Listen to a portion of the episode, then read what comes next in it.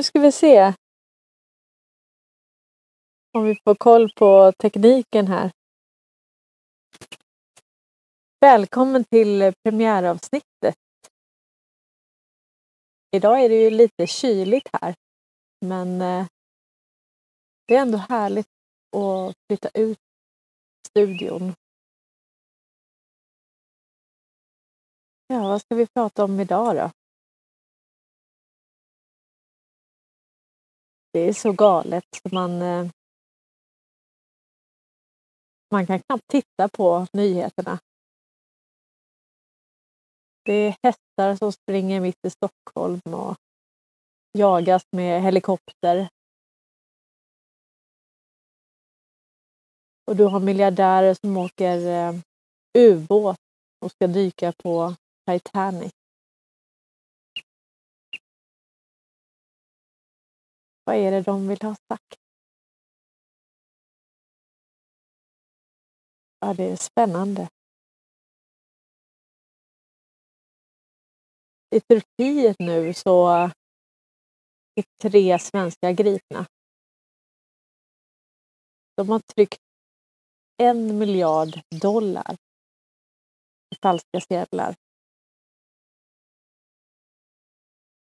Tänk om man gör, om man gör ett tillslag på en miljard dollar.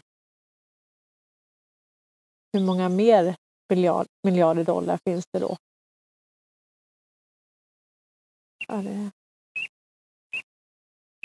De här pengarna skulle till Afrika.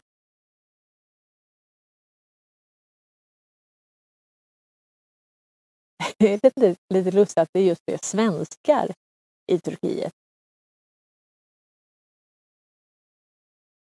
Ja. Jag skriv gärna om ljud och allting låter bra. Det som jag tycker är så fantastiskt med det här formatet det är att man kan komma ut direkt. Vanligtvis sitter jag ju och klipper i flera timmar och jag tar om och jag vill inte ha massa onödiga ord. Jag vill inte ta upp eran tid med ord som inte betyder något. Bara gör. Nähä, hör mig knappt.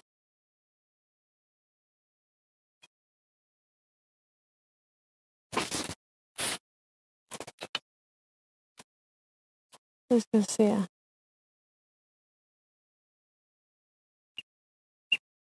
Är det bättre ljud så? Okej. Okay. Ja,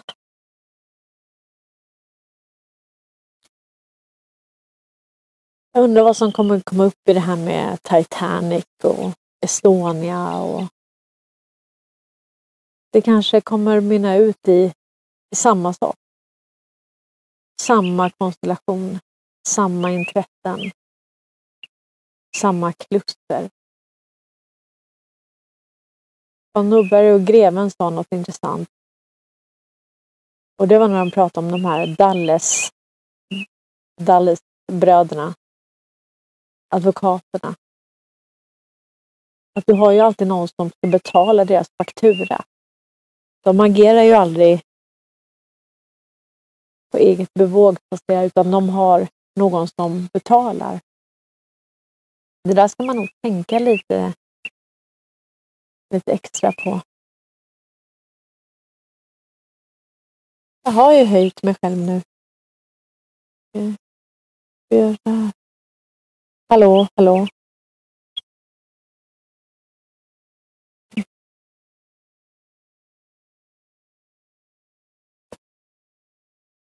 Är det fler som hör mig dåligt så får ni höj eh, hörapparaten Mats. Nej, bara skojar. Eh.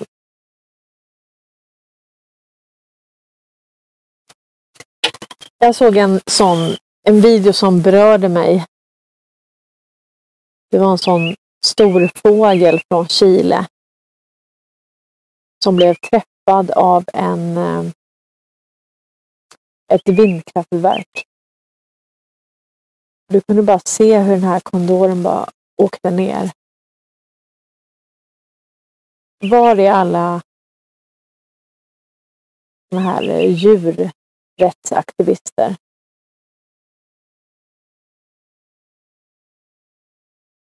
Varför, um, varför är inte det viktigt helt plötsligt? Att kämpa för djuren. Jag blir, jag blir så himla illa berörd av det där.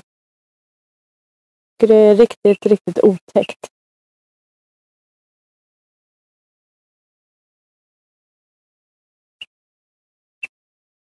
Ja, nu ska vi få ner alla de här alla vindkraftverk.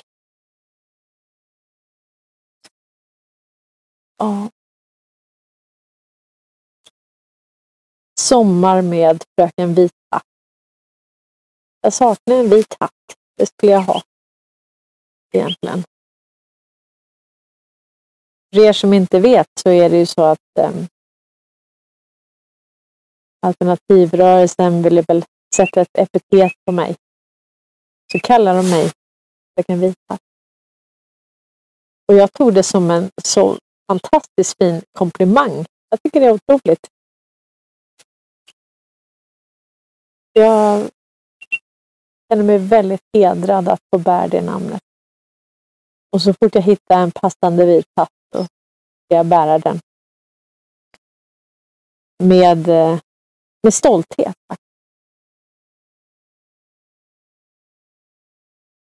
Fåglarna är så det kanske nästan låter fejkat. Men det är faktiskt inte det. De, de sjunger som bara den här. Det är inga vindkraftverk i närheten här.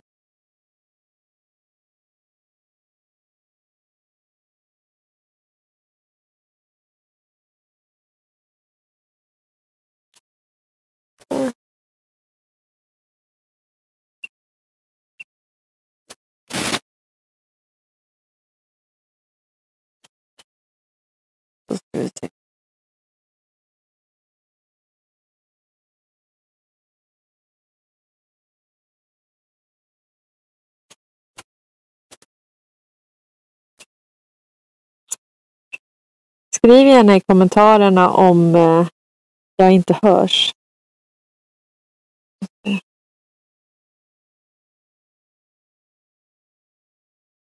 Fröken fru. Ta upp micken. Ljudet är lågt. Okej. Okay.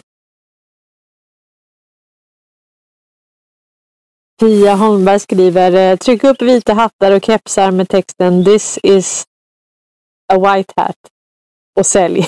Jag köper. Ja, det var fantastiskt. Jag kan inte ha mycket närmare än vad jag har. Jag vågar inte ta bort puffskyddet heller. Men... Nu då? Hallå, hallå, hallå. Det kanske var för effektivt det här puffskyddet jag hade. Ja, men hörni.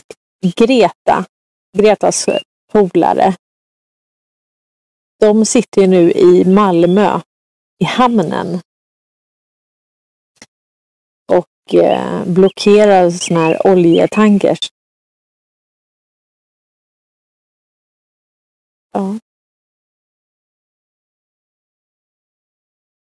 Men de kan inte kämpa för djuren som fastnar i de här vindkraftverken.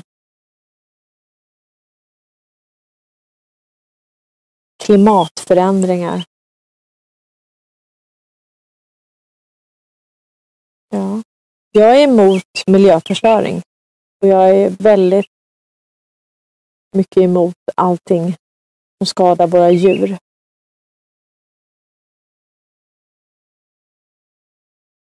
Vissa skriver att eh, insekterna börjar försvinna mer och mer. Men jag håller inte med om det. Alltså, vi har jättemycket insekter här. Där jag bor. I Skåne. Skåne. Skåne. Lågt ljud fortfarande, okej.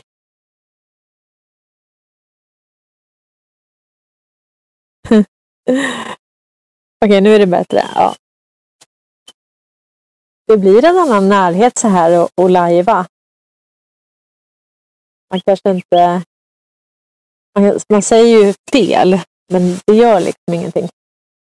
Att man säger lite fel.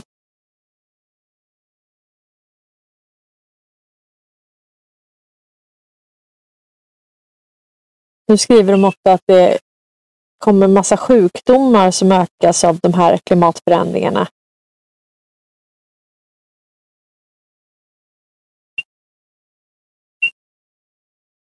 Det kanske handlar om Eh, skapa en optik. Vad är det de vill säga till oss? Det är att de har manipulerat klimatet. Att de på så vis har manipulerat fram sjukdomar. Nu ska man liksom eh, bereda myllan för någonting om, om klimatet, tror jag. Så vi får, vi får eh, vi måste vara, bli duktiga på att fånga upp alla de här signalerna. Vad är det de försöker säga till oss? Så att vi förstår optiken.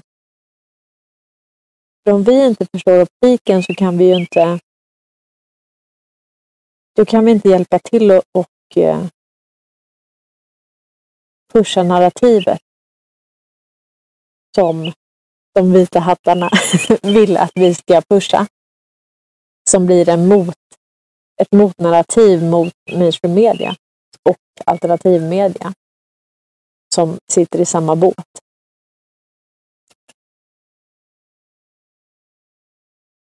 Sen hittade Nina Opsa, eh, jag tror hon heter så, någonting på riksdagen här om eh, då skriver hon så här, har svenska banker rent av förlorat rätten att ägna sig åt valutaväxling? Penningtvätt och finansiering av terrorism är ju inte så lagenligt. Och så ligger det en länk här till eh, lag 1996 kolon 1006 om valutaväxling och annan finansiell verksamhet. Det här är ju rätt intressant.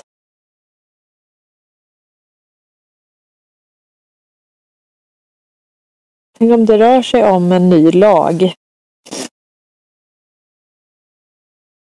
Det finns skäl att anta att verksamheten kommer drivas på ett sätt som är förenligt med lagen om åtgärder mot penningtvätt och finansiering av terrorism och föreskrifter som meddelas med stöd av lagen. Krav på ägare och ledning. Den som i väsentlig utsträckning har åsidosatt skyldigheter i näringsverksamhet eller som gjort sig skyldig till allvarlig brottslighet får inte ägna sig åt verksamhet som är registreringspliktig enligt andra stycket, andra paragrafen, första stycket. För en juridisk person gäller detta förbud den som har kvalificerat innehav av andelar i den juridiska personen eller ingår i dess ledning. Tänk om det är så att eh, Swedbank fick ju nya böter idag. Vad det nu var. 40 miljarder dollar eller vad det var. Tänk om det har att göra med, med det. För de här fyra storbankerna som vi har i Sverige, de sitter ju ihop. Swedbank, SEB, du har Danske Bank, du har Nordea och Handelsbanken. Alla de här har väl åkt dit för penningtvätt. Mm. Det var en jätteintressant tanke Nina Oxa. Jättekul att du skrev det på, på min sida.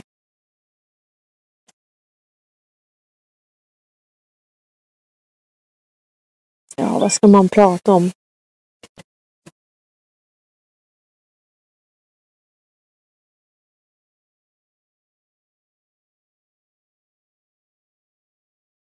Jag känner att vi, vi måste verkligen bli bättre på att se skogen på alla träd. Vi måste bli mycket snabbare i att fånga upp optiken. Jag måste bli snabbare på det. Och Jag tror att det kan hjälpa till att eh, zooma ut. Zooma ut ibland och liksom få eh, ett, ehm, ett helhetsperspektiv.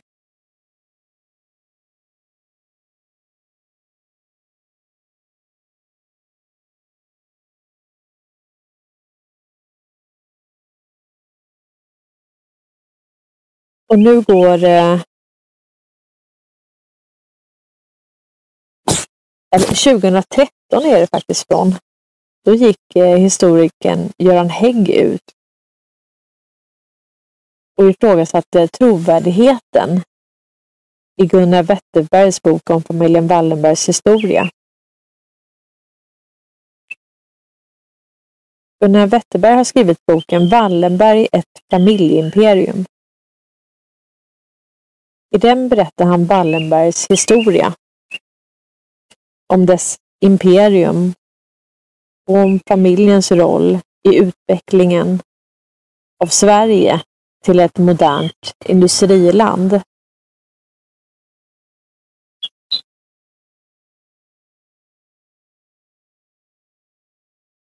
Då skriver han så här att bokens beställare har alltså betalat för historien om sig själv och hade kunnat stoppa den före tryck.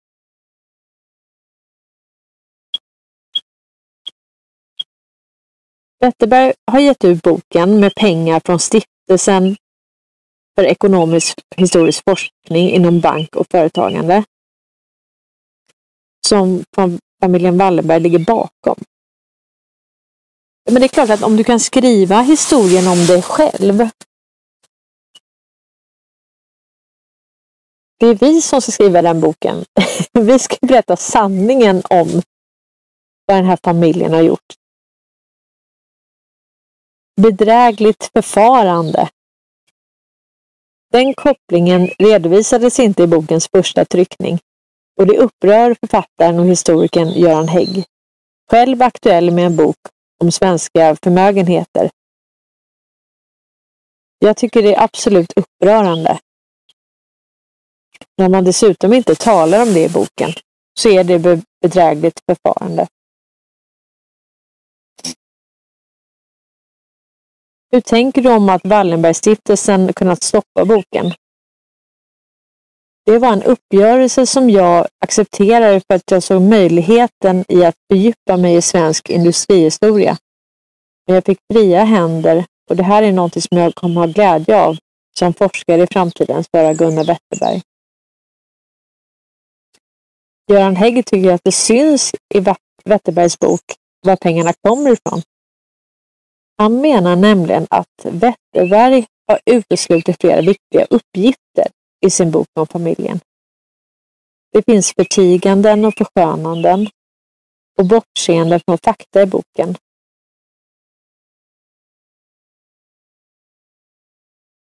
Att Knut Wallenberg i slutet av 1800-talet höll nere värderingen av enskilda banken för att familjen skulle kunna köpa in sig i banken till låga priser är ett exempel som Göran Hägg saknar i Wetterbergs bok.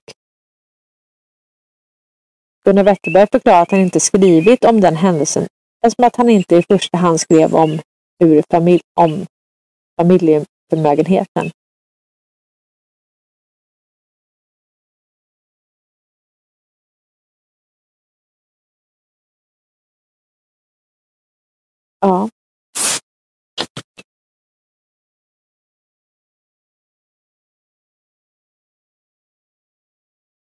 Vi har ju pratat väldigt mycket om Wallenberg och deras makt. De har lyckats lägga rabarber på allting som hela världen behöver. Bankinfrastruktur, betalningsinfrastruktur, telekominfrastruktur, kraftförsörjning, vapentillverkning. Och sen då all handel med finansiella instrument. Alla börser. 150 börser världen över. Ja, läkemedel, alltså de är ju i alla branscher. Men eh, Och de har ju använt det här till sin egen fördel. De har ju använt det här som att utöva påtryckning. Så att de här länderna har ju inte kunnat... De har aldrig varit självförsörjande. Om man vill vara lite krass kan man säga att Wallenberg har haft 184 kolonier världen över. Det skulle vara intressant att veta vilken påtryckning de egentligen har utövat. Alltså hur mycket har de lagt sig i andra länders interna angelägenheter? Eller inre angelägenheter. Jag tror att det är rätt mycket. Jag tror att de har varit jättefräcka. Sen kan det hända att de har varit det via ombud advokater och annat. Men de har nog eh, skickat små brev hit och dit. Det tror jag.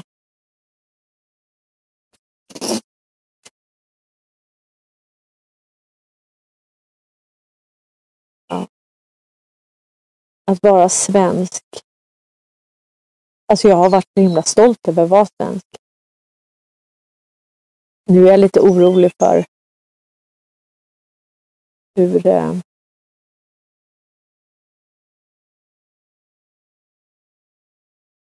hur det här kommer att spela ut sig. Även om vi är välkomna som det är nu, så är ju i alla fall inte våra pesetas något värda. De är ju inte välkomna i alla fall. Och kan det ha att göra med att eh, tre svenskar åker dit för en miljard dollar i falska sedlar i Turkiet. Ja, jag vet inte. Men eh,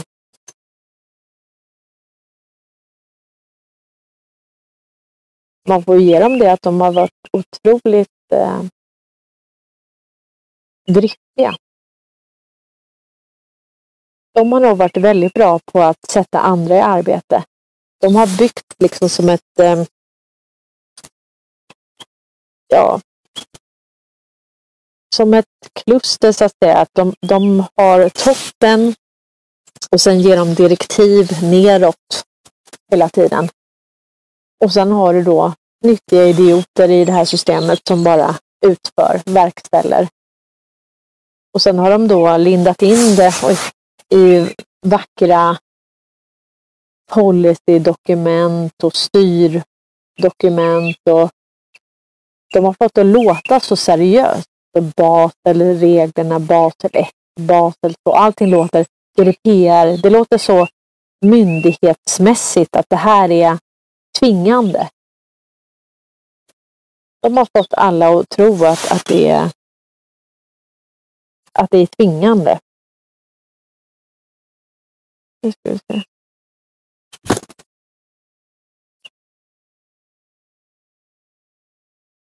Ja. Det är fortfarande jättelågt ljud.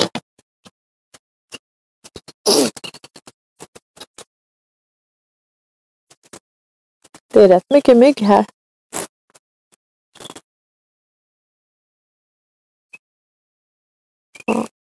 Jag får fixa det här till nästa gång. Det, jag har alltså max, max, max. Jag får prata jättehögt då. Ja, de har verkligen eh,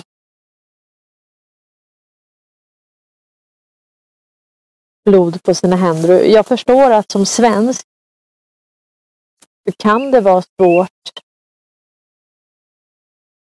Det kan vara svårt att förstå hur en familj kan ha, ha sånt affärssinne. Alltså vi pratar en planering på hundra år. Jag vet knappt vad jag ska äta till middag imorgon. Men de, eh, de ser hela världen som, eh, som sin arena på något sätt. Tänk att jag nappade på det här med Global Citizen. Alltså jag tyckte det var jättebra. Jag var väl inte globalist så. Absolut inte, men jag tyckte att det var så, ja, men så smidigt att kunna resa och det är så här mjuka värden som de försökt sälja in. Det kan vi göra ändå. Det där Global Citizen, det, det enda det syftar till det är ju One World Government. Alltså precis det som FN höll på med 2020. One World. De hade sånt. Oh, de bygger det också. De hade sånt event. Det skulle bli en värld. Och det var ju målet. Deras agenda var ju One World Government. En världsregering. Ja.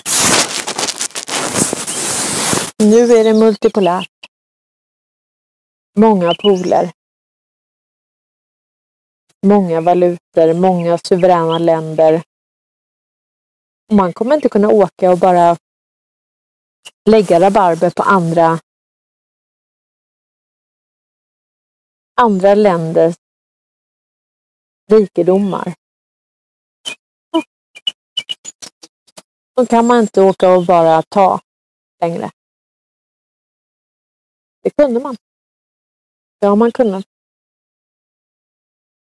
Länge, länge, länge.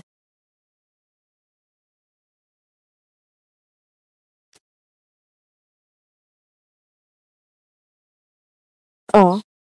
Ett smörgåsbord. Hela världen är som ett smörgåsbord och de har bara plockat precis det som alla behöver. Och inte haft någon medkänsla. De ser inte alls eh, Jag tror inte de ser oss Ja, jag tror inte de ser oss som eh, jämlika direkt. jag tror att de ser oss som eh, Ja, vi är nog eh, något som eh, katten har släpat in. Ja, nu tycker de i alla fall att eh, Soros, Soros, han ska få Nobels fredspris. Det är väl en optik. Som heter duga.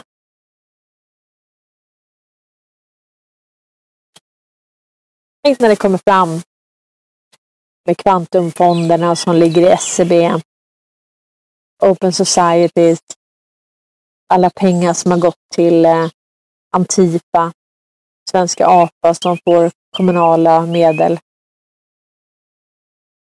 Tänk när det kommer fram allting som, som han har finansierat och vem som står bakom Soros. Det är ju Wallenberg. Soros är ju ingen egentligen.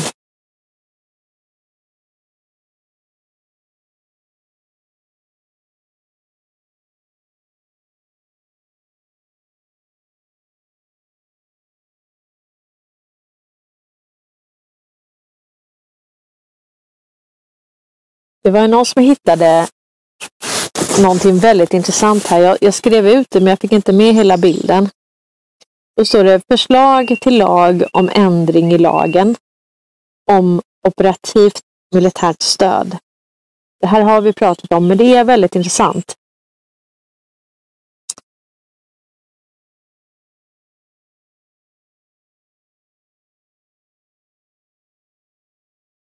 Då är det, eh, nu lyder den så här.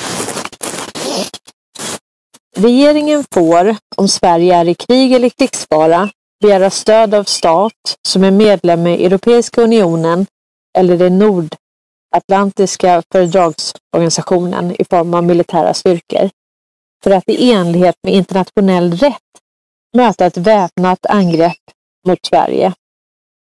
Regeringen får för detta ändamål överlåta förvaltningsuppgifter till den stad, stat som lämnar ett sådant stöd. Och nu föreslår de istället att det ska låta så här då. Om Sverige är i krig eller krigsfara får regeringen begära stöd i form av militära styrkor av Nordatlantiska fördragsorganisationen och av en stat som är medlem i den organisationen eller i den Europeiska unionen för att i enlighet med internationell rätt möta ett väpnat angrepp mot Sverige. Regeringen får för detta ändamål överlåta förvaltningsuppgifter till den som lämnar stödet. Ja, det skiljer inte så mycket. Och sen står det så här. Regeringen får begära stöd av en stat som är medlem i Europeiska unionen eller i Nordatlantiska fördragsorganisationen i form av militära styrkor för att i enlighet med internationell rätt hindra kränkningar av svenskt territorium i fred eller under krig mellan främmande stater.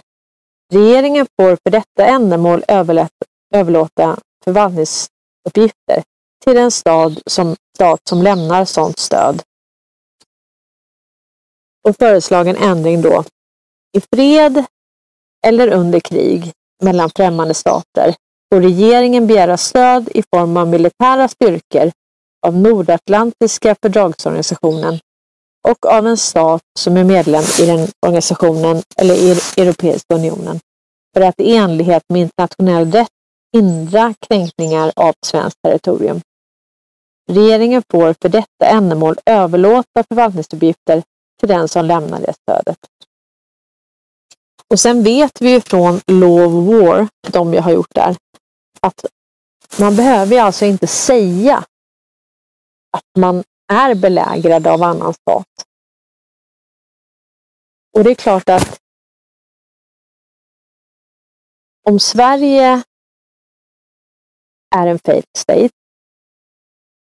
Sverige har lagt rabarber på andra länders naturresurser. Sverige har varit en tvättmaskin för svarta pengar. För olagliga pengar så att säga. Eller alla pengar är väl olagliga men pengar som finansierar terrorism. Och vi har eh, svenska regeringen som sitter ihop med företagsintressen. Telia till exempel äger 40 procent av Telia, svenska staten. Samtidigt som Telia går in och mutar diktatorer och dränerar statskaster på miljardbelopp.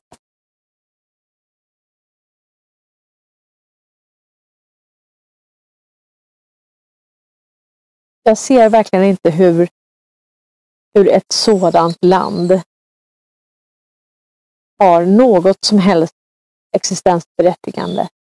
Alltså finns det något annat land som är intresserade av att ha ett sådant land på fri fot, så att säga?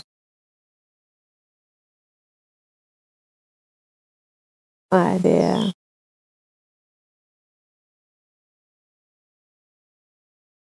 Man ska inte få vara på fri fot och jag tror inte vi är det. Och jag tror att Sverige har fått lämna över förvaltningsuppdraget. Precis som Maria Sakarova säger. Att vi har en överförmyndare, vi har en förvaltare.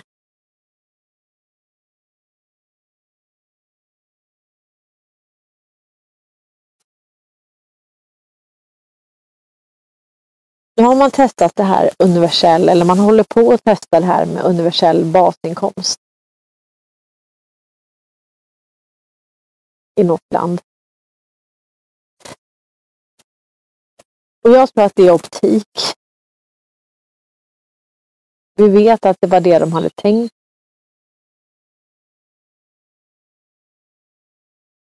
Och jag menar, man behöver inte göra någon studie på det. Vi vet vad som händer med de som går på bidrag. De eh,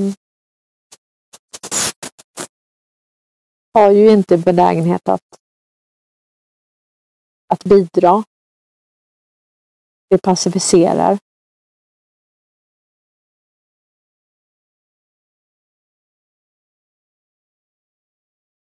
Jag tror inte att det kommer gå till på det viset.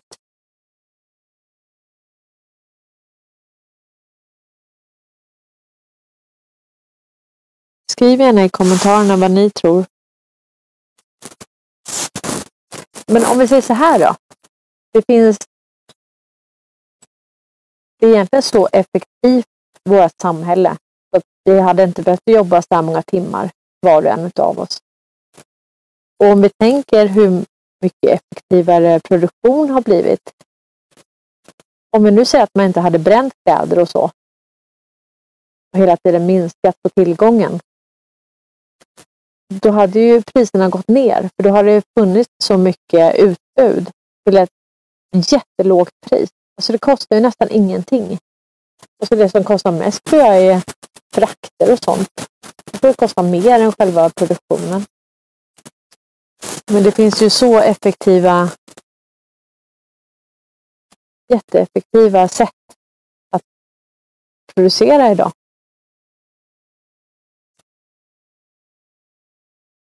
Det är snarare tvärtom att vi har ett slit och släng-samhälle. Så jag tror inte att vi skulle behöva jobba. Jag tror att man kan eh, fördela det över åren så att säga. När man får små barn, då har man ju svårt att få ihop livspusslet och man har svårt att få hålla kärleken igång och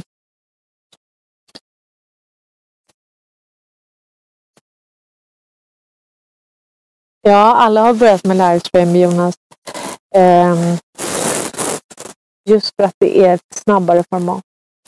Och lite mer nära. Du kan ha en direkt dialog med, med andra. Vilket är väldigt positivt. Det blir som ett, ett forum där man kan prata. Men om vi säger, har man små barn, då kanske man inte har tid om du ska både ha tid för dina barn och hålla kärleken vid liv, då blir det svårt om båda jobbar heltid och kanske har pendlingsavstånd och, och sen det här tärandet med eh, bristen på pengar, så att säga, likviditetsbristen som många familjer har. Så jag, jag tänker på USA. Alltså tänk att de har råd med så dyra de har råd med så dyra avgifter för skolan till sina barn. Alltså jag tror att vi är mycket fattigare än dem. Alltså jag tror inte vi skulle ha råd att betala liksom en halv miljon. Hur skulle vi kunna jobba ihop det med de här skatterna? Det hade inte gått. Jag har tänkt på det jättemycket. Alltså, jag tror att de har mycket mer i plånboken. Och det är ju så att vi har liksom bidragssamhälle och sen har vi ett skattetryck. Istället för att du har ett lägre skattetryck och sen att du har mer kan spara pengar om du gör rätt för dig. Och sen kan du då betala de här avgifterna.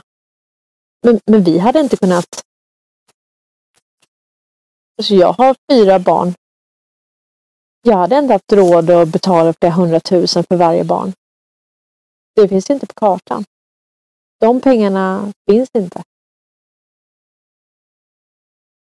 Jag tror att vi är mycket fattigare än vad vi förstår i förhållande till andra länder. Ja, det tror jag faktiskt.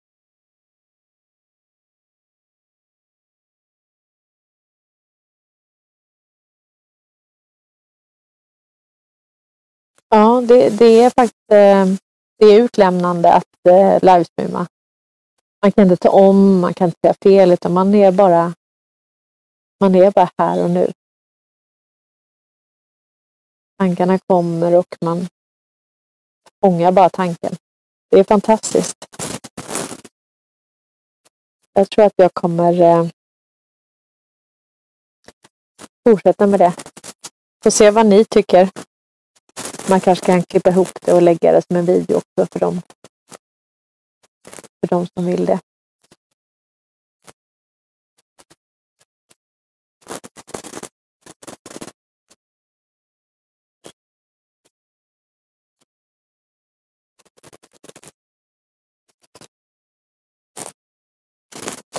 Men det är inte alla som eh, har det knapert. Tänk att han eh, som sjabblade bort 20 miljarder i Alecta. Magnus Billing. Roligt att han heter Billing också. Billing. Magnus Billing landar mjukt med uppskattningsvis 10 miljoner i fall. 10 miljarder, ja det här är eh, 10 miljoner i fallskärm. Magnus Billing. Mm.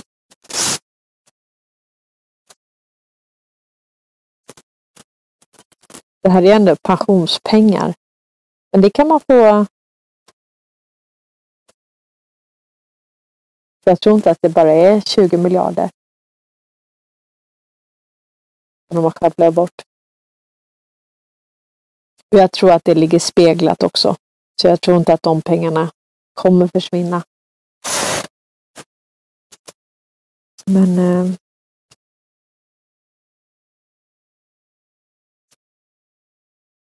Så 10 miljoner det är alltså 18 månadslöner. 180 000 i månaden. och sen har han ju säkert pension och allt sånt där också. Det är nog inte konstigt att vi har varit så himla avundsjuka av oss. Du ska inte tro att du är något. För vi har nog verkligen haft det. De har nog verkligen dragit in för oss.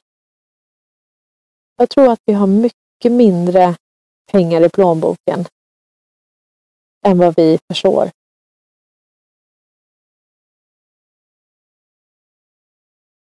Och sen alla de här åtgärderna man har placerat folk i kunskapslyftet, jag vet inte allt vad det är. Det där är ju bara ett sätt att dölja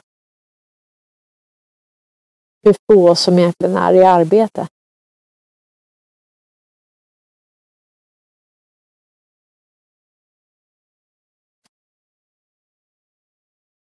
Tänk om det är så som jag säger nu.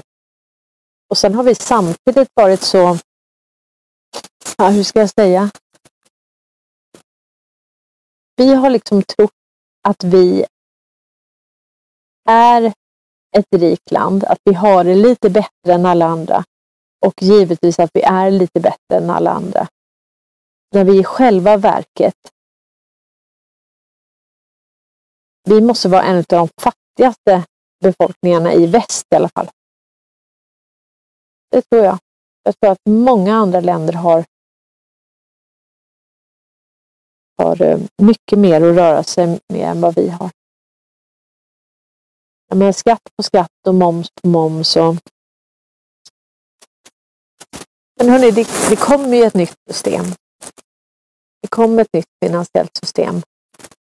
Och det måste vi också berätta om. Vi måste berätta om agendorna. Vi måste kunna läsa optiken. Vi måste kunna komma snabbt med ett motnarrativ. Och eh,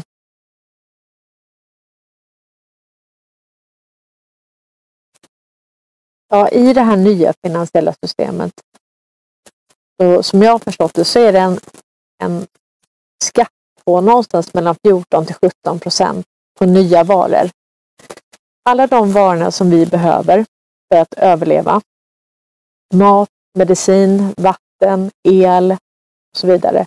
Det kommer det inte vara någon skatt på. Ehm. Det är mycket mygg här nu så att eh, får väl snart eh, och jag får förbättra ljudet till nästa gång. Men det här kommer bli... Jag tror också att det kommer frigöras en hel del kapital för att renovera alla våra fastigheter. Det är ju inte okej okay att... Eh... Nu kom min katt. Hej Mary! Ska du vara med? Du får hjälpa mig.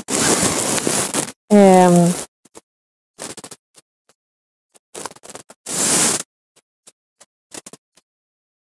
Nej, vi har ju så många hus som står och förfaller.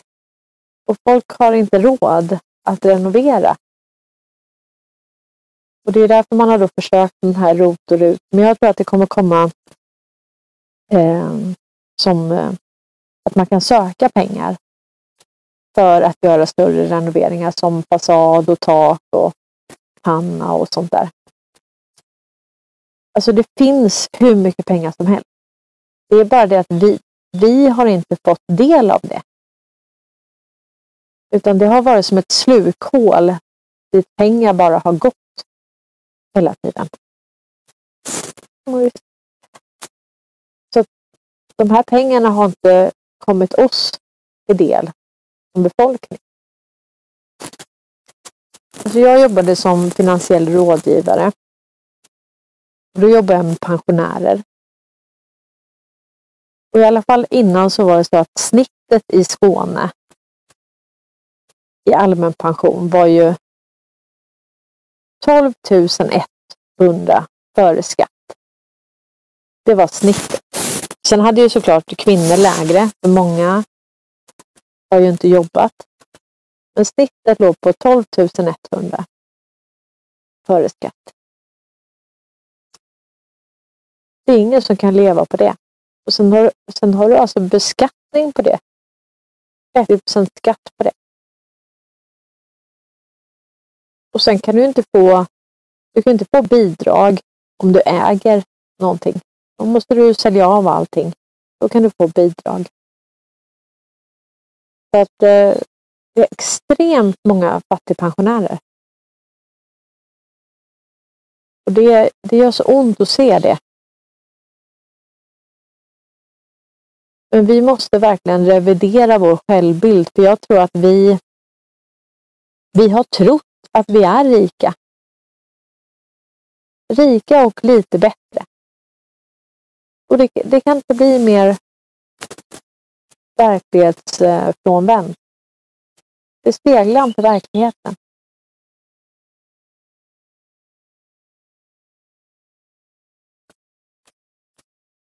Frågan är om vi, vad vi förtjänar egentligen. Förtjänar vi det är klart vi förtjänar att få det bra, det är inte så jag menar, men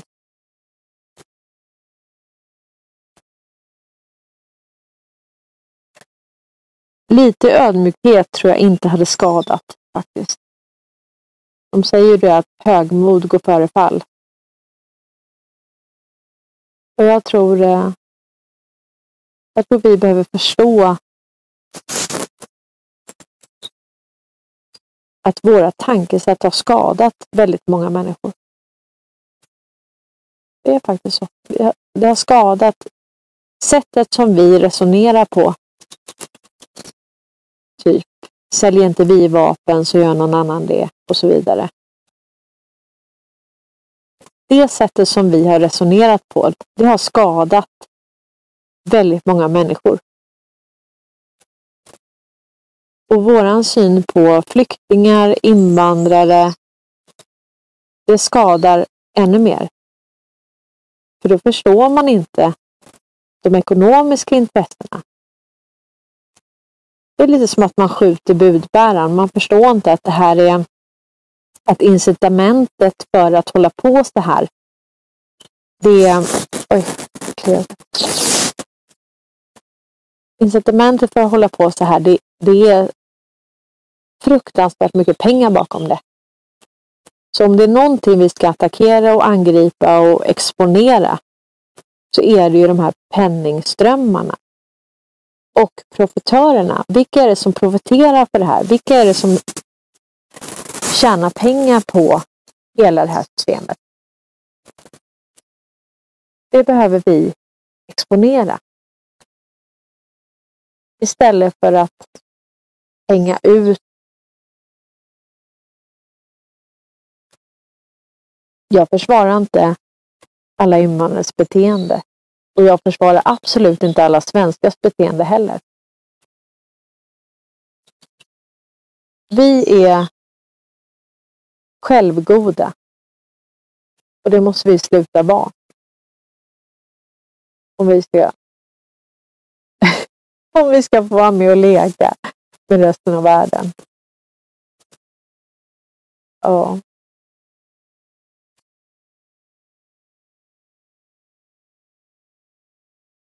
Det kommer bli bra.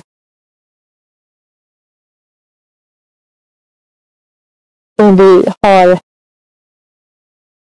just den här emotionella biten och eh, den här självbilden som vi har. Lögnen vi har levt i. Ibland får man myta sig själv och säga just det. Nu eh, är jag tillbaka där. Det sitter så djupt. Den här eh, synen på oss själva som absolut inte stämmer. Men vi har en fantastisk natur. Och jag tycker att vi har ett fantastiskt klimat. Och jag tror att klimatet kommer förändras när vi blir av med all den här manipulationen så kommer vi få ett jättefint klimat. Vi kanske, kanske får tillbaka vintrarna som när vi var små, när det var snö. Att vi får ännu mer skillnader mellan årstider. Det tycker jag hade varit fantastiskt. Tack så mycket att du har tittat på det här. Jag ska förbättra, jag ska läsa alla kommentarer och förbättra till nästa gång. Men vi körde ett litet genrep idag, eller premiäravsnitt. Så um, vi tar ett litet uh,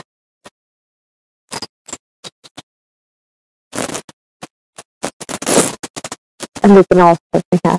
Tack så mycket att du har tittat. Tack att du gillar, kommenterar och stöttar den här kanalen. Ha det fint allihopa!